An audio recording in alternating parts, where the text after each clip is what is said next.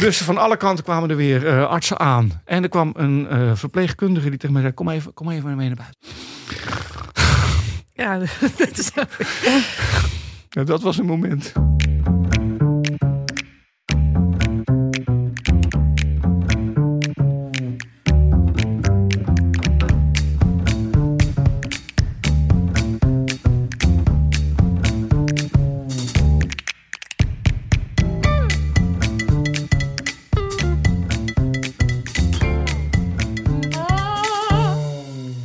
Roos, aflevering 3 alweer van Dit Komt Nooit Meer Goed. Ja, daar zijn we dan. Zeker.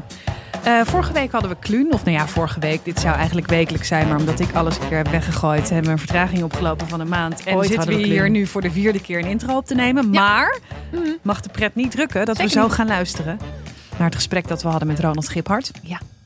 Eh, een van mijn lievelingsschrijvers vroeger. Ja. Een van de weinigen die ik las ook. Sterker nog...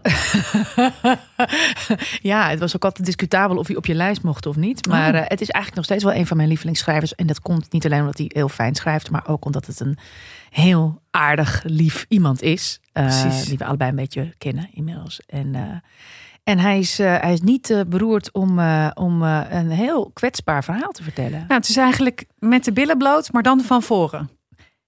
En ik moest er ook van huilen. Ja, maar dat, ja, Is wel snel, dat, dat weet ik. wel vrij snel. Maar Ja, ook, dat klopt. was in dit geval zeer terecht. Zit, ik, eh, we- ik, eh, ik ben, eh, zodra een man gaat huilen, ben ik zo, maakt niet uit waarover. Maar dit, dit, is, eh, het raakt, dit raakte me bijzonder. Ja.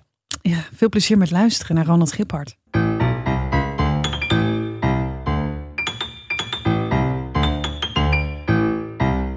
Ik ook ooit eens een keer in café Same Place, heet het geloof ik, beland. En gewoon, we gingen nog om, ja, we gaan nog even naar het nachtcafé. Ja, we gaan nog even naar het nachtcafé. Ik had heel veel drankjes op. Sta ik in, in het nachtcafé, staat er ineens op het podium een vrouw te squirten. Oeh, Gewoon Ik permanent. Ja, die nou, was- het duurde best lang. Het duurde, het duurde verrassend lang. Oké. ik, Ja. heb, ik heb daar dus in Club Church een, een elfje, een kabouter zien pijpen. Gaan we hier de podcast mee openen? Ja, goeie. We lopen wel. Had ik dat, Waar had ben ik, ik, waar ben ik in terecht had ik dat moeten zeggen? Ja. Ik heb geen geluid op mijn, mijn eh, koptelefoon. ja, dat is jouw probleem. Dus welkom in de podcast. Nou, leuk om het Fijn te dat zijn. je er bent. Ja. Hoe gaat het met je? Het gaat heel goed. Waarom? Omdat ik, ik zit te schrijven. Ik moet een nieuwe eh, roman af, eh, af hebben. Die moet ik 1 juni inleveren. We hebben de titel eh, bedacht. Ah. Nachtangst gaat die heten. Oh, mooi. Ja. Ja? gaat over een man die ehm s s'nachts werkt in een eh, ja, soort schimmig eh, kantoorgebouw ergens in Amerika. In eh, Queens. En terwijl hij daar zit, wordt er ingebroken. En dan slaat de angst bij hem toe. Mm. En hij kan niet bellen, want hij heeft geen telefoon. Hij kan wel mailen, hij gaat zijn vriendin mailen. En ze komen dichterbij en er worden deuren opengekraakt. En hij, zijn angst wordt echt gewoon vloeibaar. Ja. En ehm, dan besluit hij maar om ja, een beetje te gaan zitten raaskallen. Vertelt wat. En misschien is het wel een testament of een biecht of wat dan ook. En dan vertelt hij over iets wat in zijn verleden gebeurd is. Als jongetje. Ah. Oh, dat klinkt heel spannend. Ja, Ja, nice. dus. En waar komt, de, want het klinkt ook een beetje eng. Waar komt dit vandaan? Ik, zat, ik, ik werk eh, in, in een eh, oude gevangenis in Utrecht. En daar zat ik s'nachts op een gegeven moment te werken aan een verhaal. En eh, daar gebeurde dit. Echt? Ja. Oh, terwijl- dit gebeurde jou ook gewoon? Ja, ik hoorde dat Oh. er ingebroken werd. Maar dit is, want, het- en, en die, want die gevangenis is jouw werkplek, is als in, werkplek. daar schrijf je? Ja, zeker. Oh, Ja, ik heb daar een cel gehad en nu heb ik een soort klein directieruimtetje. ik heb Ja, serieus. Ik ben er geweest. Er geweest. Ik ben er geweest. Het is echt te gek. oh, dat klinkt geweldig. Ja. Wat cool. Maar goed, eh, ik ben gewoon eh, er buiten, naar buiten gestapt en heb de jongens geconfronteerd. En het waren studenten die verdwaald waren. In een gevangenis natuurlijk. Ehm, en ook weer naar de uitgang begeleid. Ehm, en later is er wel nog een keertje ingebroken. Maar toen dacht ik wel van, goh, ehm, wat nou als ik dit niet gedaan had? Als ik ze gewoon dit had laten doen. En zo kwam ik op het verhaal. Ja, oh, ja, spannend. En het gaat eigenlijk over, over kindermisbruik. Uiteindelijk. Want Ja. dat is wat hij opbiecht. Dat is wat hij opbiecht, je- ja, dat eh, ja, ja, ja. Misbruikt is niet door zijn ouders, maar door iemand. Ah, Door een, een man. heftig thema. En Ja, Ronald, zeker. is er toen er echt werd ingebroken, toen jij in jouw gevangenis aan het werk Ja. was, eh, was je toen bang? Nee, Helemaal niet. Oh, nee? helemaal niet. Nee. Nee? Nee, echt niet. Ook niet voor het verhaal nu? Nee. Nee, nee ik ben, ik ben eh, vijf jaar nachtportier in een ziekenhuis geweest. Ja. Mhm. Ehm, en we hadden daar trainingen gehad hoe je met ag- agressie moest omgaan. En ik ben helemaal niet geen stoer aangelegd iemand hoor. Maar eh, in functie ben ik gewoon niet bang. Nee. En eh, toen ik daar zat, s'nachts zat te schrijven, had ik, ben ik ook een soort in functie als schrijver. En daarbij, ja, wat, wat, wat was het ergste wat er kan gebeuren? Dat je doodgaat? Nou ja, goed, zo het is. Ja, het lijkt me toch vervelend. Maar misschien ligt het aan mij. Ja, ik. eh, eh, Kijk even naar Malou. ja, die hangt aan elkaar van angsten en fobieën.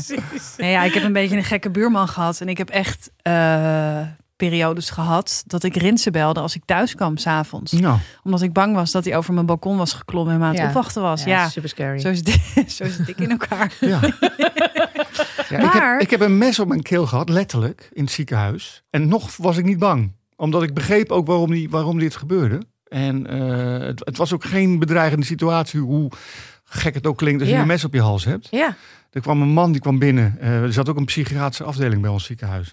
En die kwam binnen en die, eh, die zei: Ja, ik ben, nou, ik weet niet hoe de heet, ik ben Peter Hoekstra. Ik ben therapieresistent. Ik ben manisch depressief en ik ben suïcidaal. Ik wil worden opgenomen.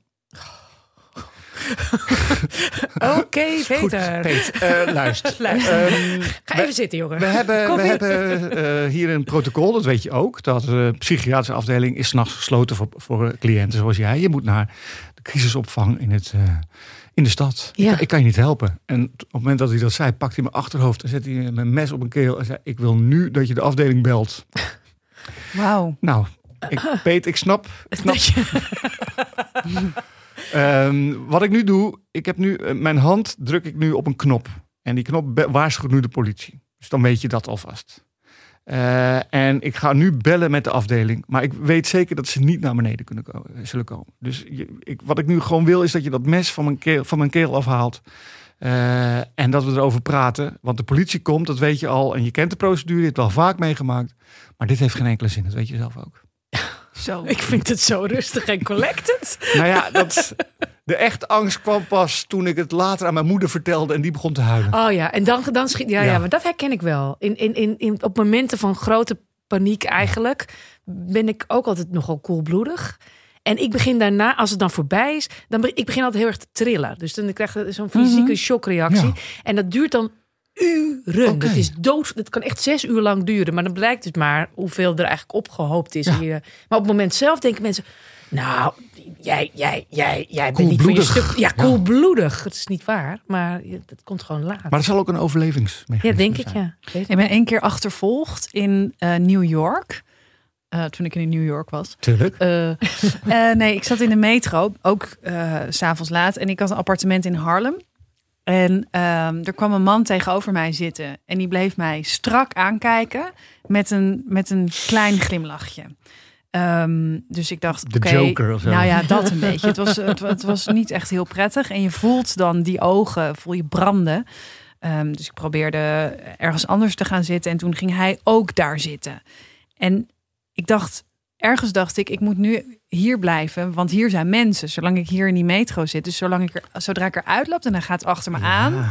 Wat dan? Wat Ja. doe je dan? Ja. Nou, ik ga, er, ik ga er toch maar uit. En hij stapte ook uit.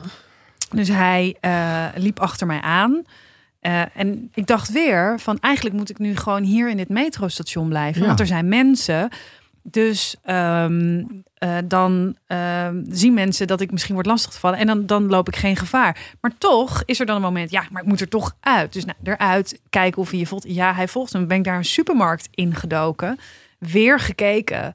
Ehm, ik moet eigenlijk in deze supermarkt blijven. Ik moet er niet uit. Want hij bleef En, en niet op het punt gestaan om iemand aan te spreken. Ja. nou ja, toen bij de kassa, toen heb ik iets gekocht, chips of zo. En toen zei ik, ik, ik word eh lastiggevallen. Ik word, oh, toen zei ze, nou, ga maar, dan, dan houden wij hem wel eventjes zo Ah. tegen.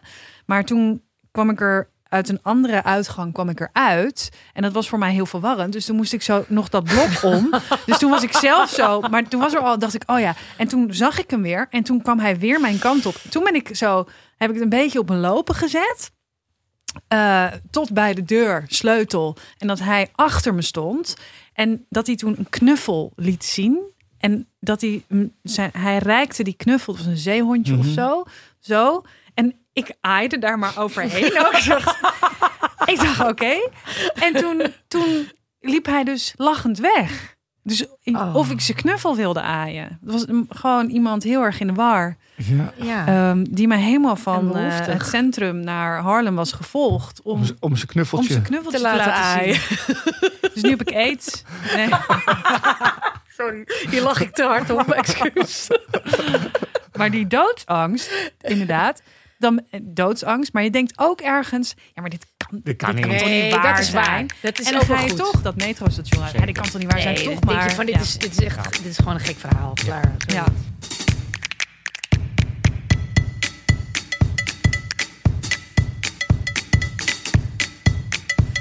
Ehm, Ronald, Ja. wanneer Wanneer mijn, in jouw mijn- leven? Ja, Dacht jij?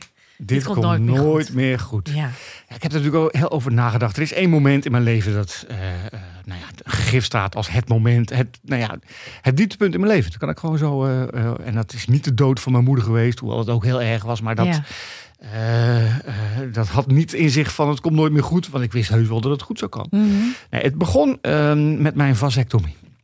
Mhm. Dus eh, ik, eh, eh, wij hadden twee kinderen. Ja. En we waren, het ging allemaal goed. Mijn vrouw heet Masha. En we hadden besloten van als volwassen mensen... ik ga er een knoop in laten leggen. Ja, het is genoeg. Dat is genoeg. dus we gingen naar de huisarts. Die zei, ja, ben je niet een beetje jong? Maar nee, nee, we, we zijn er, we, we hebben erover nagedacht. Doe maar. Dus ik ging naar het ziekenhuis toe. En daar lag ik in een ruimte met, met twee andere mannen. Eh, heb je wel eens iets over... Is jouw man Ja, gevasectomeerd? die, die is Ja. gevasectomeerd. Oké, ja. ja. Ja, ja, zeker. Zullen we heel even toch uitleggen Knoop. voor de luisteraar? Knopen in je lul. Gelopen je, eh, nou niet in je lul, in je zaadleiders. In je zaadleiders. Maar ja, stukje lul. Je ballen, je ballen worden vermengd. Daar komt het een beetje op neer. En ik lag daar in die ruimte. eh, en de privacy, daar, daar doen ze niet aan in ziekenhuizen. Dus, eh dag meneer Giphart. Goedemorgen. Genoten van uw laatste boek. Nog lekker hoor. Dus, eh, nou ja, ik... eh, er was een, een urologe die, eh, die, die, begon, die begon zich echt te verheugen. Ik, zei, nou... Dus ik lag daar met mijn, been, mijn benen gespreid. Nou! Eh, ik ga u nu een prikje geven. Ik waarschuw, u, dat is een gemeen prikje. Nou, dat, als iemand, als een arts zegt, dit wordt een gemeen prikje, dan Niet weet je al, oké. Ja. Dus er kwam een prik inderdaad, alsof er een soort ijspriem in een van mijn ballen. Dat was echt!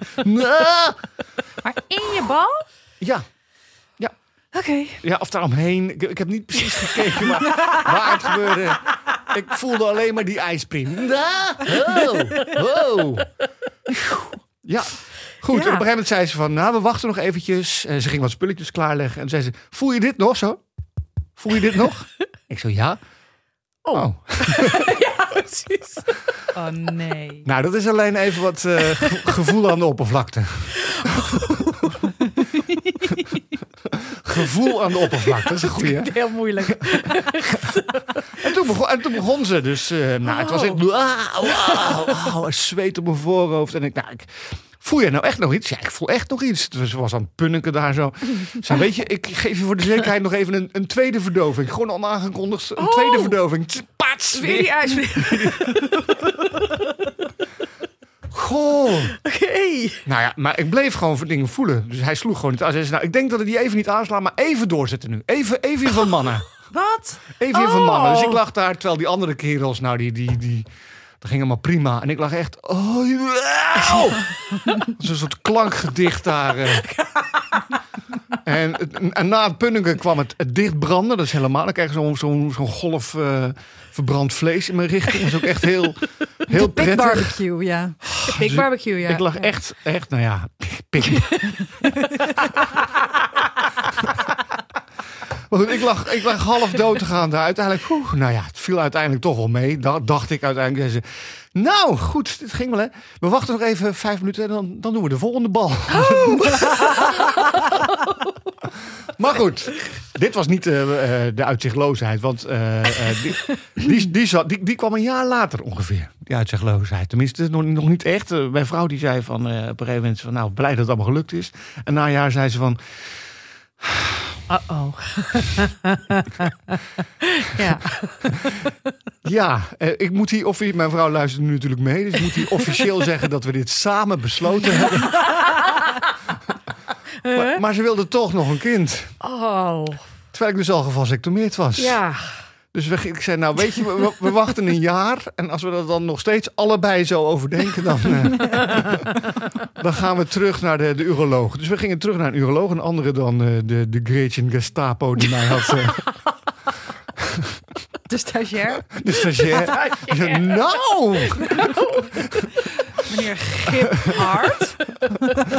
Maar goed, dus we kwamen bij een andere uroloog. eh, Dus, eh, en, en Masha was mee, mijn vrouw. Eh, Dus ik zei, ik kom voor een, ehm, een, een eh, vasovasectomie, zoals Ah, dat heet. dat Dus heet een- dan- een- ja. dus Oh, een, ja. een omdraai-operatie. dus Ja. hij zo, goh, leuk. Dus hij, hij keek naar mij en hij keek naar Masha. En hij keek weer naar mij zei, nieuwe vriendin?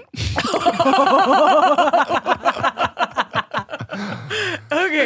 Ja, dat was wel echt even een moment. Want dat is, dat is een stevige operatie. Dan ga je Oh ja? he- helemaal onder narcose. Dus Oh ja. dan moet dat ontknoopt worden. En ehm, dat was echt wel pittig. Eh, dat, dat ging uiteindelijk allemaal goed. Kijk, die, vaso, die vasectomie, dat ging uiteindelijk... Ik had zo zitten schudden met mijn been. Dus ik had, ik had een grote zwarte... Dat ze- zei ze ook van, het, het kan zwart worden. En het, het was ook echt zo'n zwarte sinaasappel. Je bal? Mijn bal Was echt- zwart? Was zwart. Gewoon een zwarte Ja, maar zak. dat was bij mijn man ook. Die wilde het de hele tijd laten zien. Vond, vond ik niet. nou- Ja, die zat de hele tijd. Kijk dan, kijk dan. Ik ja, maar dat is Maar op straat of thuis? ja, overal. Ja, ja. Je voelt er weinig van, toch, hoor? Uiteindelijk. Ja, Maar het hij, hij deed, maar het zag er, het zag er Imposant geloof uit. ik, eh, ja, Ja, wel zeker. imposant uit. Maar, dus bij die vasovasectomie, daar was, daar was toch een bacterie op een of andere manier naar binnen gekomen.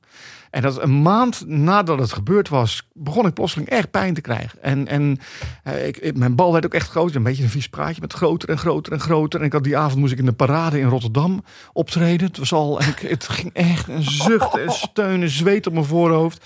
Ik naar het ziekenhuis nachts. En eh, nou, dus, eh, dat zag er echt schrikbarend uit. Heel groot. Ik kon niet meer zitten, niet meer staan. En het was echt de allerergste pijn die ik ooit gehad had. En Ja. natuurlijk niet te vergelijken met een bevalling. Maar toch, het was wel eh, gewoon... Hij, hij had de grootte van een avocado. Zo groot was mijn bal. Was er ook een pit in? nou ja, het is leuk dat je dat vraagt. Want toen kwam dus eh, de uroloog, die, eh, de man die had gezegd van zo'n nieuwe vriendin, die kwam en die zei, oeh, oeh. Oh, zo'n fijn geluid is dat. Oeh.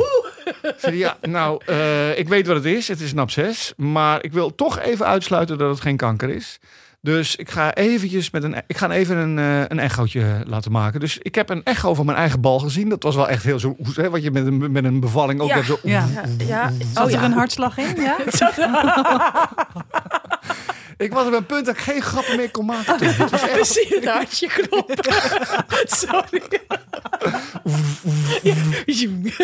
en een, een, bevriende, een vriend van mij is arts, die was ook mee. En die... eh, Lachen. eh, lachen. Toen zei hij, zei hij, ja, we kunnen nu twee dingen doen. Ehm, ik kan je eh, eh, penicilline geven. Eh, en de pijn die je nu voelt, ga je nog zeker een week houden. En, eh, en daarna wordt het minder. Maar ga er maar vanuit dat je een maand lang plat moet liggen. Wow. Wat ik ook kan doen, is dat ik met dit scapel... dat ik een klein sneetje kan maken... Eh, dan verdwijnt alle pus. En dan, ehm, ik, ga, ik voorspel je, het wordt echt de allerergste pijn die ooit. maar het duurt maar twee minuten. Ja. Ik kan het niet verdoven, want het zit in een gebied waar, het, waar, waar die verdoving niet gaat werken. Nou, ik wist, daar had ik ervaring mee. Oh. Dus, ehm, wat denk je dat, wat ik, ik heb deze vraag bij lezingen vaak aan, aan de zaal gesteld. Even aan de mannen van wat, Oh, en de mannen. Ja, daar kan ik er niks over zeggen. Maar... wat zou jij gedaan hebben? Ja, die twee minuten. Maar... Die twee minuten. Ja, wat zou jij? natuurlijk. Twee minuten. ja. Als ik dit naar mannen vraag, zeg ik allemaal, nou, lekker een weekje. Ik een maandje plat En, liggen? en dan alsnog, of na, na een week. Ja. En dan na een week denk ik, nee, ik trek het niet meer. Doe Nee, maar die twee dus dan minuten. krijg je dat. Nou, het, het, ik ben een maand plat gegaan en inderdaad... Echt? Ja, nee, zeker. echt? Ja, echt. Je ja, bent niet zoiets- zeker. oh, ja? En ik heb ook beneden op de bank geslapen een, een maand. Ehm, en ik heb voetbal gekeken, boeken gelezen. Ja, is ook zalig. Het was echt een maand. Nou goed. Een jaar later was mijn vrouw zwanger. Ja. Was Marcia zwanger. Onze derde. Ja. Nou, het, het was toch wel echt een godsgeschenk. En ehm, wij, eh, onze eerste is in het ziekenhuis bevallen. De tweede was thuis. Tip, onze dochter. En eh, onze jongste die werd thuis in bed eh, geboren. Ja. Dat was echt een, een mooi moment. Hij was redelijk aan de zware kant. Mhm. Eh, 5500 gram. Dus dat was echt wel een Redelijk. grote, groen. grote baby. Ja. Grote, immense baby. En de verloskundige, verloskundige die, die, die had het heel zwaar. En die had heel veel bevallingen al gehad. Dus die zei van, nou, hij is heel zwaar. Je moet hem een beetje bijvoeren als ze zo groot zijn. Want Voor de glucose, dat is gebruikelijk. Maak je geen- daar geen zorgen om. Laat ik ook achter. Ehm, en die zei ons gedag. En het, ons geluk was compleet. Het Ja. was gewoon eh, een grote blakende baby.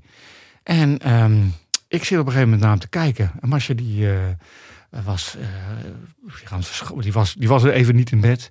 En ik zie dat hij helemaal paars wordt. Oh. Dus ik pak hem beet en schud hem een beetje op elkaar. En dat paarse ging weer weg. Dus dat is, ja, is toch niet iets wat ik helemaal vertrouwde. Nee. Verloskundige gebeld van ja, hij werd helemaal paars. Dus ja, dat hoort erbij. Dat, zijn, eh, dat, dat, lichaam, dat lichaampje heeft zoveel krachten gehad bij die bevalling. Het is zo'n fors kind ook. Eh, dit zijn manier om eventjes eh, dat hij met zichzelf in het reinen moet komen. Dat- Maak je geen zorgen. Nou goed, dat Oké. Oké, Ja. ja, een verloskundige dat zegt. We hebben er later nog uitvoerige mailwisseling over gehad. Ehm, maar goed, eh, eh, kinderen kwamen, eh, die waren bij opa en oma, maar die kwamen even kijken naar Ja. hun broertje. Nou, ook allemaal mooi. En weer naar boven toe. En hij werd weer paars. Godverdomme. Ja. Dus eh nou woonde Astrid, die woonde naast ons. Dat was hoofd van de, van de eerste hulp van het Diakonessenhuis in Utrecht. En ik zei, Astrid, kom even kijken, want ik, ik vertrouw het niet. Nee. Eh, dus ik legde uit wat er aan de hand was. Zij kwam en ze ziet hem. En hij was weer een beetje op kleur, dus dat was toch weer, goed gekomen. Eh, en toen eh, zei ze, ja, eh, we gaan dit toch, eh, ik vind het, we gaan, we- gaan naar het ziekenhuis. Kan je auto rijden? We gaan naar het ziekenhuis. Nou, ik kon nog auto rijden, dus eh, eh, zij ging naast mij in de auto zitten. En op een gegeven moment eh, ben ik aan het rijden richting het Diak. En hij wordt weer paars. En ik zie op een gegeven moment dat ze me aan het reanimeren is. Hè? Jezus. En jij zat achter Ik zat achter het stuur. God, ik krijg er heel koud van. Nou, dat Oh. was het moment wel. En eh, toen kwamen we. eh, toen- ik zei: Zit je hem nou te reanimeren? Ik zei: Rij maar door, rij maar door. En ik had, omdat ik in het ziekenhuis zelf gewerkt had, had ik reanimatie, reanimatiecursus gehad. Dus ik wist wat het was om, Ja. om te reanimeren. Eh, en ze was met, met, met haar vingertjes was ze dat borstje aan het reanimeren. Dus we kwamen aan in het ziekenhuis en eh, hij werd eh, neergelegd eh, in een ruimte. Eh, allemaal aangesloten aan toeters en bellen. En hij was op dat moment weer helemaal normale kleur. Eh, en op een gegeven moment ben ik alleen met hem. En de, de andere ruimte wa- was wat eh, gedoe van, van, van artsen. En, eh, en ik zie, hij had een bepaalde meter en die was 99% Nou, dat is goed als een, als een Denk meter ik. Ja. 99% is.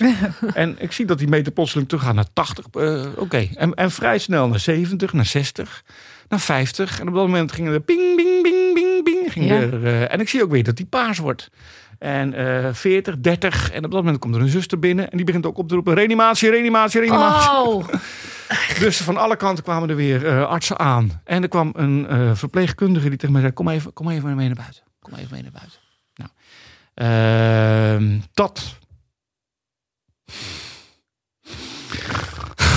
Ja, dat is Ja, dat was een moment. Dus ik werd mee naar buiten genomen. En mijn vader, eh, mijn ouders hebben een, een, een, een, een- Voordat ik geboren werd, een jaar voordat ik geboren werd, hadden mijn ouders een, een, jongetje wat eh, eh, geboren werd. En mijn vader was bij die bevalling, die werd op een gegeven moment ook naar buiten gehaald. Mijn moeder kreeg een groen scherm over zich heen. En dat kindje werd doodgeboren. Dat, ik, heb dat in het, ik heb vorig jaar een boekje over mijn moeder geschreven, waarin ik dit ook verteld heb. Dus toen ik daar die ruimte werd uitgeleid, wist ik, nou, dit is het. Ja. Dit is het. Nou ja, goed. eh, eh, uiteindelijk eh, werd ik na een minuut of tien weer die ruimte binnengehaald. En er was een arts en die zei, ja goed, we hebben het nu onder controle. Dus eh, hij gaat niet meer paars worden. We, we weten niet wat er is. Maar we weten wat we in de gaten moeten houden. En hij is, sinds, hij is sinds dat moment ook niet meer in acuut levensgevaar geweest. Maar goed, ik moest wel mijn vrouw gaan bellen van nou, dit is er aan de hand. Ja. En hij eh, werd s'nachts daar in het ziekenhuis gehouden. Ehm, en uiteindelijk heeft hij eh, tien weken in het ziekenhuis gelegen. Hij bleek uiteindelijk een insulinoom te hebben. Dat was een, een, een, een tumor in zijn alvleesklier. Dus in je alvleesklier daar wordt je insuline aangemaakt. Eh, bij normale mensen, als je eet, dan maak je insuline aan om dat eten eh, te verwerken. Ja. Een soort enzym wat dan dat eten verwerkt. Ja. Maar hij had een tumor waardoor hij zelf heel veel insuline op voorhand aanmaakte. Dus hij stond vol van de insuline. En had dus heel veel eten nodig. Daarom was hij zo ontzettend dikke baby ook. Oh, vandaar ook. Ja, vandaar ja. Die, eh, dat, Ja. dat hij zo zwaar was. En hij had dus eet, hij had eten nodig om die insuline eh te niet te doen. Eh, daar kwamen ze na een paar operaties kwamen erachter. Maar ik, dat, die eerste nacht dat ik daar was, ik ben uiteraard bij hem gebleven. Ik ben altijd schrijver. Ik ben Ja. altijd bezig van, eh, kan ik dit opschrijven? Ja. Of eh, is het een leuke grap? Toen we net hier eh, kwamen, vertelde jij dat je in eh, Amsterdam-Noord bij een tennisvereniging zit. Naast een McDonald's. Klopt. En dan maak ik, maak ik een grap van je. Eigenlijk ben je lid van de McDonald's. Ja. Eh, en terwijl ik hem maak, denk ik, die, die schrijf ik even Die op. schrijf- ja, ja, ja. Gewoon een mentale notitie. Ik ben altijd gespitst op Ja. grappen en omschrijven. Mhm.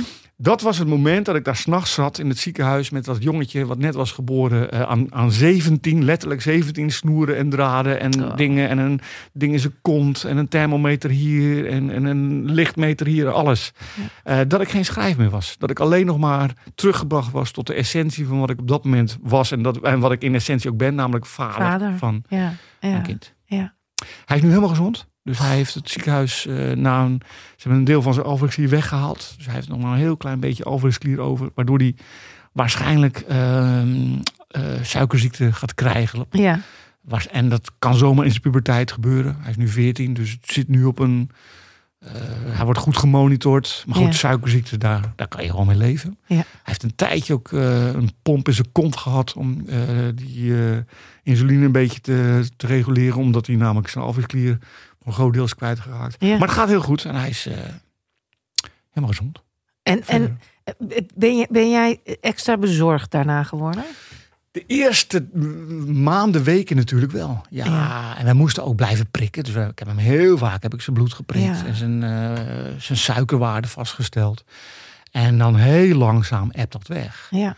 Eh, maar hij is helemaal geen problemenkind. En, ze- en hij is ook heel koelbloedig en, en nou ja, eh, eh, ehm, hij, je merkt het niet aan hem. Het is Nee. een heel potig, leuk keeltje. Als je zo, dit- ik heb ik- bij mijn, bij mij, eh, wij hebben ons eerste kindje verloren, ah, halverwege de zwangerschap. Godver. Ja, een dochter. En toen, ehm, ik, eh, ik ben vrij snel daarna zwanger geraakt van mijn Ja. oudste zoon. En die zwanger, nou ja, zorgeloos zwanger, dat, dat, dat ging hem niet meer worden. Maar dat wist ik ook. Eh, En ik, dat, dat- ja, dat wist ik. Dat is, dat is voorbij. Ja. Op het moment dat je zoiets hebt meegemaakt, is dat voorgoed Ja. voorbij. Dat is nou helemaal zo. Maar ja, het was natuurlijk fantastisch dat ik weer zwanger raakte. Maar toen werd dus mijn oudste zoon geboren. En ook die werd paars na de bevalling. En die werd weggenomen. En eh, toen dacht ik, zie je wel, ik kan geen levende kinderen maken. Ik kan alleen maar doden maken. En toen kwam hij weer terug, hadden ze hem weer een beetje opgepept.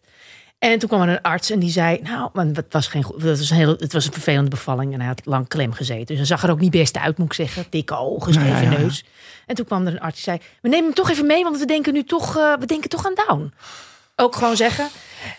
Die loopt de kamer uit. En toen dacht ik, zie je wel, nou oké, dan gaat hij misschien niet dood. Of, eh, maar hè, dan, Ja. nou, maar la, maakt me helemaal niet uit. Als hij, eh, Ja. Ik wil, eh, als hij maar blijft leven. Ja, ja, ja. Nou, kwam terug. Nee, ook geen down. Oh, nou, nou, uiteindelijk nou, mocht ik nou, nou, een nachtje daar blijven, mocht ik hem mee naar huis nemen. Maar ik heb misschien zelfs wel ja, de eerste jaren, als ik heel eerlijk ben, zat er een stemmetje in mijn hoofd dat dacht, hij blijft niet leven. Ja. En hij is nu elf en het is een peer van een gozer. Kijk. En ik ben het kwijt, hè. Het is, en daarna heeft hij nog een broer gekregen. En daar had ik het al veel minder bij. Kijk. Maar ik heb heel lang gedacht van dit is blijkbaar... Ik ben zo dicht bij de dood van mijn eigen kind gestaan... ja. dat ik nooit meer heb... eh, Of heel lang heb gedacht van het kan niet normaal. Wat doet dat met je relatie? Ik vraag het eventjes aan jullie allebei. Als er Ja. iets ergs met je kind gebeurt of dreigt te gebeuren. Ja, nou, je hebt. eh, ik heb erover geschreven ook, uiteraard. Eh, en, en er veel over gelezen. Eh, je, je relatie kan klappen en je relatie kan versterken. Ja. Dat zijn eigenlijk de twee eh, mogelijkheden. En bij ons is, is het versterkt. Masje had een zware bevalling gehad.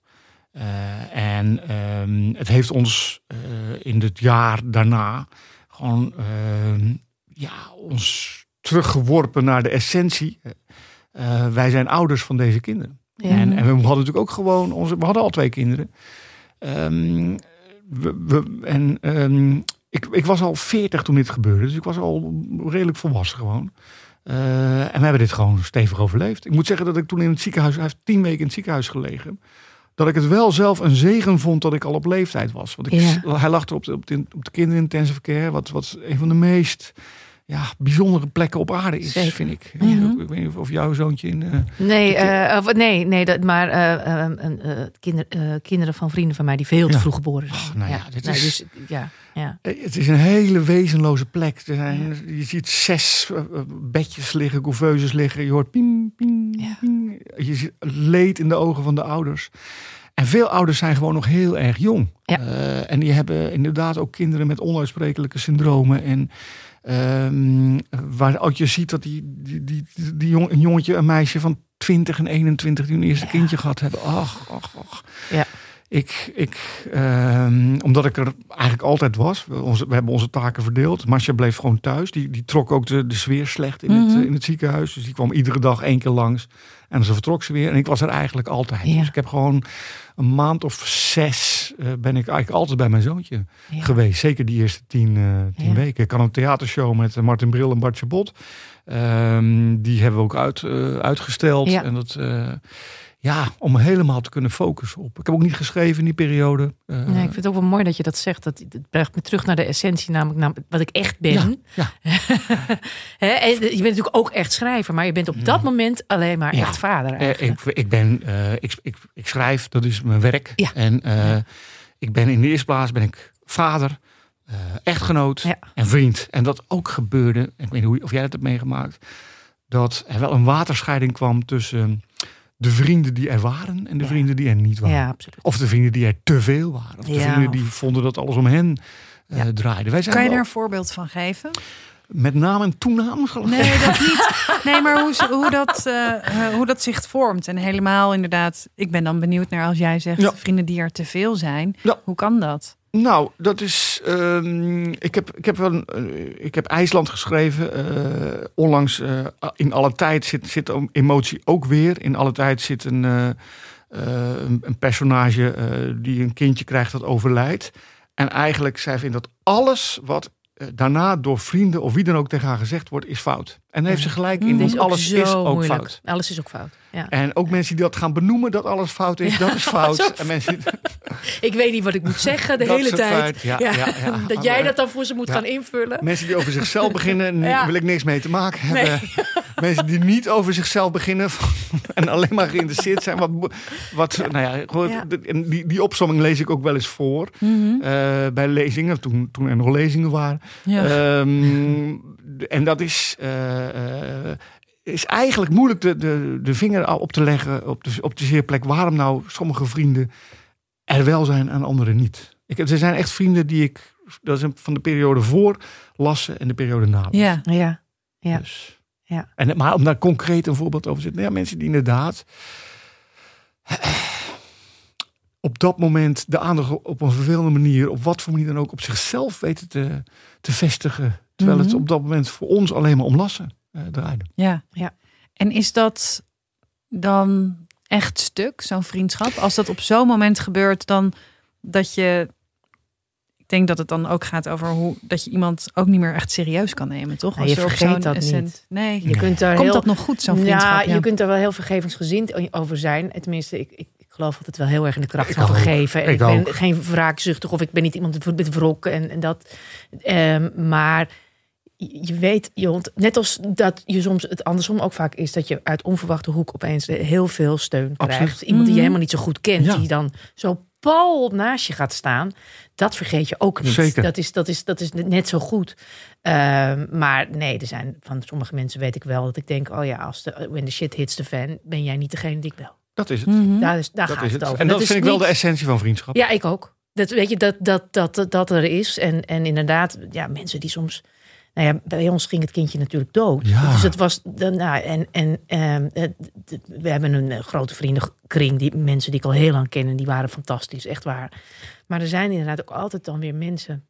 Die dan zeggen, ah ja joh, nou, mijn buurvrouw had ook een miskraam. Ah. Maar die was er gewoon, eh, die was er zo overheen. Hoor. Je moet er niet zo in blijven hangen. Terwijl wij natuurlijk thuis met z'n tweeën af en toe op de, letterlijk op de grond in de badkamer lagen te janken. Omdat je gewoon, gewoon niet voor en niet achteruit kunt. Omdat het verdriet als een soort deken over je heen ligt. Ja. En wij konden het samen wel gelukkig heel goed. Ja, mooi. Eh, dus inderdaad, het heeft ons, net als bij jou hoor, het heeft ons ook. Ik, heb, ik, ik zeg altijd hierover, in ons geval, dat ik samen rouwen eigenlijk intiemer bijna vind Ja. dan de liefdebedrijven. Snap ik. Oh, wauw. Eh, want ik kan niet met niet veel mensen rouwen. En de liefdebedrijven met meer. Eh, maar het is, dat, dit is een hele hoge maat van intimiteit. Maar ik kan me ook inderdaad heel goed voorstellen dat je elkaar ook verliest. daarin. Ja, Mijn, mijn moeder die, eh, had dus dat doodgeboren kindje gehad. Ik heb altijd gedacht dat hij Marcel heette. En toen ik een boekje over mijn moeder ging schrijven, kwam ik erachter dat hij Mark heette. Dat was Oh, dat is ook gek. Ja. Dus ik heb altijd zelf, want, want hij, was dus, hij werd geboren in eh, begin 65. Ja. Dus januari 1965 werd hij geboren. En eh, was dus doodgeboren. Scherm over eh, mijn moeders buik. Ja. Ze heeft hem nooit gezien, nooit Nee, afscheid mogen nemen. dat- ging gewoon toen. Ja, er komt een dat. arts, die komt binnen. Op een gegeven moment mocht mijn vader ook weer eh, binnen. En zei, nou ja, hij is dood. En eh, ga maar snel een nieuwe maken. Ja. Mhm. Dat Zo werd gewoon gezegd, zo letterlijk. Ga maar snel een nieuwe, nieuwe maken. Ja.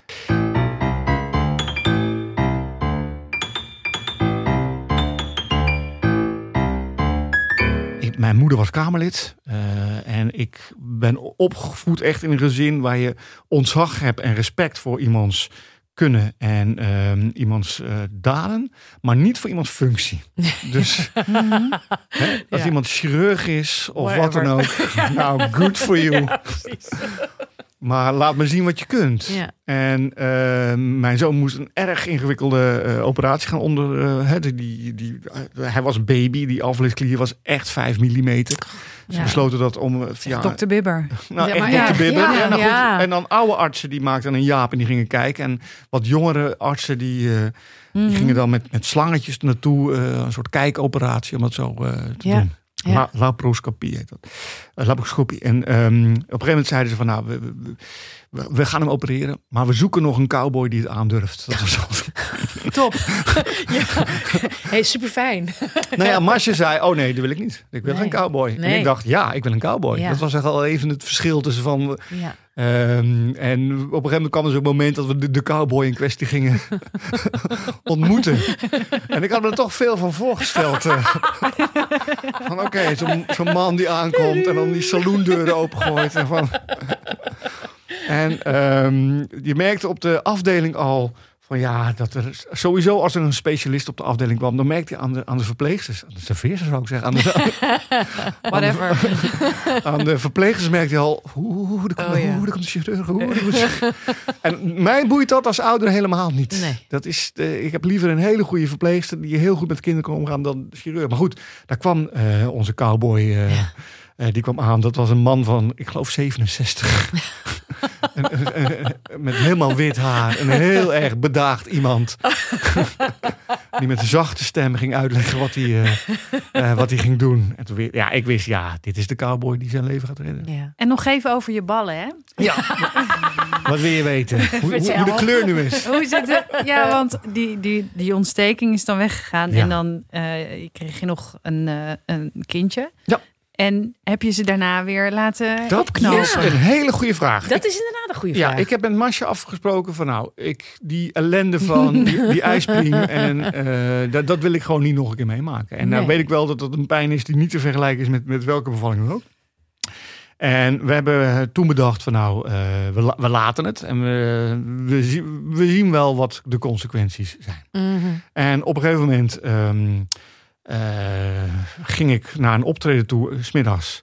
Eh, en toen zei Marcia van ja, moet je eventjes vertellen. Nee. Met een zwangerschapstest in de hand. Oh. Maar goed, als je eenmaal drie kinderen hebt. en we hebben dit over onszelf afgeroepen. Dus ehm, ik heb toen eh, gezegd, nou ja, het moet maar. Ja, Ja. Goed, ja goed dan, wordt de, dan wordt jouw kamer wordt, eh, de nieuwe kinderkamer. en ik ben eh, naar eh, mijn optreden gegaan. Dat was aan het eind van de middag. Ergens in Utrecht toevallig, in de, in de Domtoren. En ik, ik had een keer zoiets meegemaakt. Want toen, ik had een, een enorm optreden een keer met Bart Chabot. Ja. Eh, hier ook in Utrecht in de jaarbeurs voor personeel van ProRail. 2000 man. Echt Ja. gigantisch. Hadden we heel goed voorbereid. En, en Bart is een beetje een, een flap uit. Dus eh, ik werd gebeld eh, vooraf door Masha. En zei, nee! ik ben zwanger! Dat was dus voor Lasse. Dus ik, wow! Goed, die ik dat uiteraard, Bart had door dat het aan de hand was. En Bart komt het podium op en die zegt, eh, mensen eventjes. Ronald krijg net te horen dat hij weer vader wordt. dus die hele zaal klappen en applaudisseren. En eh, goed, we doen ons optreden. En ik kom het podium af en ik krijg een sms'je van mijn vader van... God, leuk dat de zaal het eerder wist dan wij. Oh, wat Oeh, ja. Want er zat een kennis van hem in de zaal. Die meteen even had gefeliciteerd. maar goed, ik wist dus hoe... eh, dat, ja, je moet dat niet aan een zaal vertellen. Nee. Maar goed, bij die vierde vertelde ik het dus wel. Bij het begin, ik dacht, is leuk. En dan heb ik die zaal meteen op mijn hand. Dat is leuk. Ja. Van, nou, ik hoor net van mevrouw die eh, sms, die vertelde toen ik hier naartoe ging, eh, we zijn zwanger. Dus eh, iedereen, goh, leuk, mooi. Nou goed, dus toen ik deed, het was een, een walking dinner, dat was het. Dus ze kregen te eten en ik moest een praatje houden. En ehm, halverwege zie ik dat Masha belt. En Ah.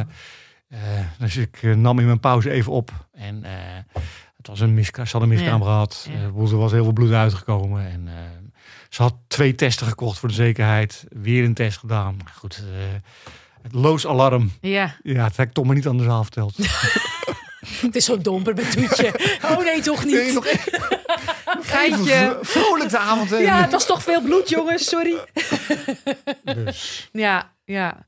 En, en, en, daarna, maar en daarna? En nu, eh, eh, ja, eh eh Masha is nu eh, niet meer. hè, ja, het, het zou nog steeds kunnen gebeuren. Zij is nu 48. Oh ja. Dus Ja. het, denk niet meer dat het ervan komt. Nee, mooi. Nog heel even over je ballen. hè? Ja, Nou, want jij zei dat die eerste keer dat er dan een vrouw Ja. tegen je zegt...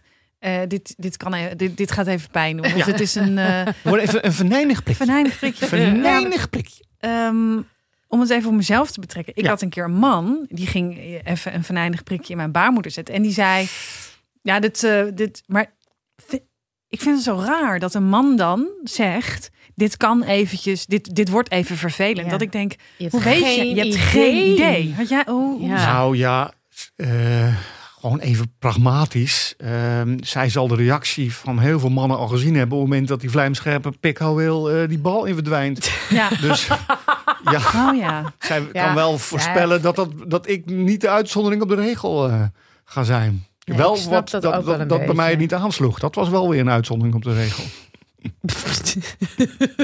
Net zoals ik, kan, kan, een, kan je als vrouw kan je je een voorstelling maken hoe het is om in je ballen geschopt te worden? Nou, Nee, stel je clitoris voor en alsof daar iemand even iets te hard te snel in knijpt. Dat is een beetje... Malou haalt nu een nonchalant haar schouders op. Beste luisteraar. Oh, ja. Je bedoelt eh, maandag. Zo, pep, pep, klaar. Ja. Ja. nee, prima. Nee, dat kan. Ik weet nog dat ik toen ik eh, aan het bevallen was, inderdaad, van mijn oudste zoon. Dat was dus nogal een toestand. En er was veel bloed. Eh, en, eh, maar dat er een, een jonge co-assistent, of die, die, die, die, die, die, die kwam kijken. En het was zijn allereerste bevalling. Ach, En het was een Marokkaanse jongen. ach. En het was Ramadan. Ik weet niet waarom, maar ik vond dat heel zielig. Voor hem. Het was echt heel veel bloed. Ik zag die jongen bleker en bleker worden. Ik dacht, die jongen heeft niet gegeten. En ja, dat moeder is dat ik, dat ik echt bijna dacht van, joh, neem even een boterham. Neem even een slokje. Ja, dat? Ik heb wel een keer van een tandarts gehoord. eh, die zei opeens, die was zo bezig en die zei toen, huh? Huh? Dat wil je ook niet horen. Huh, wil je ook niet horen.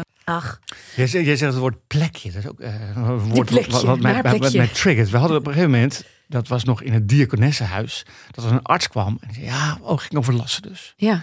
Ja, we vermoeden dat, er, dat hij een plekje in zijn buik heeft dat niet helemaal goed is. En we Ja, wat is dat dan? Ja. Maar goed, Ja. een plekje, oké, wel een Ja, plekje. plekje. Toen gingen wij gingen over naar eh, het Wilhelmina Kinderziekenhuis, wat een academisch eh, ziekenhuis is. En daar komt een arts, die komt mij tegemoet. Die zegt, ja, ja, ja. Goed, nou ja, we gaan even kijken inderdaad naar zijn, eh, zijn tumor. Dus, dus ik, Oh, tumor? ja. Eh zei hij, ja, tumor, hij heeft, hij heeft een tumor. Ik zeg, maar daar is helemaal niks van verteld. Nee. Een plekje werd er gezet, of een puntje. En daar heb ik nog een stuk later over geschreven van over de, het taalgebruik van artsen. Want Ja. Masha vond dat vervelend dat die man dat zo hard meteen zei. Terwijl ik wil liever dat Ja, een man ook, duidelijk is en zegt van tumor. Geen eufemisme. Geen eufemisme. Nee, nee echt Tumor. niet. Ja, ja Pats. dan maar wat het is. Gooi het maar in. bij de naam. Ja, het allererg over plekjes. Maar sorry, daarna hou ik erover op. Maar het allerergste vind ik altijd dat eh, eh, vooral vroedvrouwen, Ja. nadat je gebaard hebt, het hebben, gaan hebben over je onderkantje. Ja, dan wil je nooit meer neuken. Sorry, dat is echt niet te doen. Dat- Je onderkantje. Je onder- bij mijn vasectomie. Dat kan niet. ik had dus heel erg zitten schudden. Even over je ballen. Even over ballen. En dan Heel tot slot, even tot over slot over mijn ballen. Dus, eh, nou ja, goed. Dus, eh, ik had zitten schudden en ze zei het gaat, gaat zwart worden waarschijnlijk. En, eh, ehm, en je moet even de komende tijd wat rustig aandoen met samenleving. Met samenleving. Wat heeft de samenleving met, met maken? Laat de samenleving eens even rustig doen met mij, joh. Maar goed, wij gingen die avond. Kijk, eh, ik kreeg pijnstillers mee. En eh, ik had die avond had ik een lezing. Want ieder, alle mannen in mijn omgeving hadden gezegd van... Ah joh, zo'n vasectomie, zo'n sterilisatie stelt niks voor. Ja. Eh, dus ik had s'avonds een lezing had ik afgesproken. Dus ik, ik moest eh, in Utrecht moest ik een, eh, een, een culinair festival in een tent moest ik openen. Ja. En mijn gaatje was een onbeperkte hoeveelheid consumptiemunten. Dus Masha, die had zich verheugd op die onbeperkte hoeveelheid consumptiemunten. Dus ik kwam uit, ik was 's ochtends was ik gevasectomeerd en ik kwam binnen en oeh, ja, op een gegeven moment als die pijnstiller begint uit te werken, oeh ja, oeh, oeh nou, ik voel het toch wel. Dus Masha, nou, eh, niet zo aanstellen. Gooi er een extra paracetamolletje in. gelul. Dus ik, nou ja, oké, ik, ik probeer me een beetje te vermannen. En eh, wij naar, eh, de- naar naartoe. Smiddags was dat, eh, dat, dat, die opening. Dus ik die opening gedaan. En inderdaad, eh, onbeperkt. En, en het grappige aan alcohol, dat effect, dat verdooft ook een beetje. Zeker. Dus- Dat is de pret eraan. Eh, Ik mocht geen alcohol, dat had ze nadrukkelijk gezegd. Geen ja. alcohol. Maar dacht, één glaasje Chardonnay, dat kan toch geen... dus één glaasje, twee glaasjes, drie... En bij, bij het vierde glaasje was ik gewoon de pijn helemaal Weg. weg. Ja. En ehm, toen vrienden van ons, die waren daar ook. Eh, en die stelden voor, eh, en wat we nooit deden, om voor Old naar de Woelemoeloe te gaan. Dus de, de oude studentendisco. Mhm. Eh, dus ik weet niet of jij er wel eens geweest bent. Dat is Nee. echt de, de hel op aarde zo'n beetje. dus wij daar met een gezelschap, allemaal wat oudere mensen, naar de Woelemoeloe toe. en ik daar dansend. En, en tot op een gegeven moment Masje tegen me zei van... Ja, ik weet niet wat er aan de hand is, maar... Je hebt een nat bovenbeen. Oh, Oh, echt? nee. Oh ja. Oh ja. Goed. Nou, Pis. Nee, Oh. bloed. Oh, bloed. Heel veel bloed natuurlijk. Je onderkantje. Van je Pas onderkantje. op met gemeenschap. En op, op dat moment had ik toch wel zin om sa- in samenleving. Maar goed, ik In samenleving. Maar zij iets minder misschien. denk het wel. Ik denk het ook.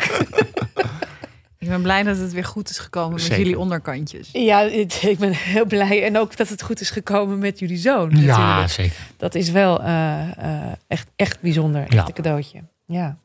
We zijn er. We zijn er, hè? Ja, ik kan ook niks meer horen. Als ik, ik denk Nee? alleen maar aan Ronald Zwarte Ballen. Nou, Dus ik dat, moet ik moet zeggen, ik, ik heb ook nog wel een eh, levendig eh, eh, eh, imaginair vermogen. Ja, dit zijn we voorlopig nog niet kwijt. hè? Zo'n Nou, zwarte sinaasappel. Hoe zag ik ook een beetje... Nee, ik, die- ben, ik bleef nog heel lang hangen bij die avocado. Ja, ja. Dat, dat. Met of zonder pit. ja, zo'n zo'n zwarte verkleurde avocado. Net te laat. Maar je moet er niet aan denken dat die man echt dat skapel had gezet. En dan ja, maar had gestoken. als je dan- kan kiezen, twee minuten of een week. Nou ja. Maar er is wel een puistje drukken 2.0. weet je wel. max. Zijn mensen die dat heerlijk Dr. vinden. Pimpelpopper. Oké, Ronald, had je nog iets racistisch willen zeggen? Want ik ga op, eh, ik ga op stop drukken. Ja, doe ja.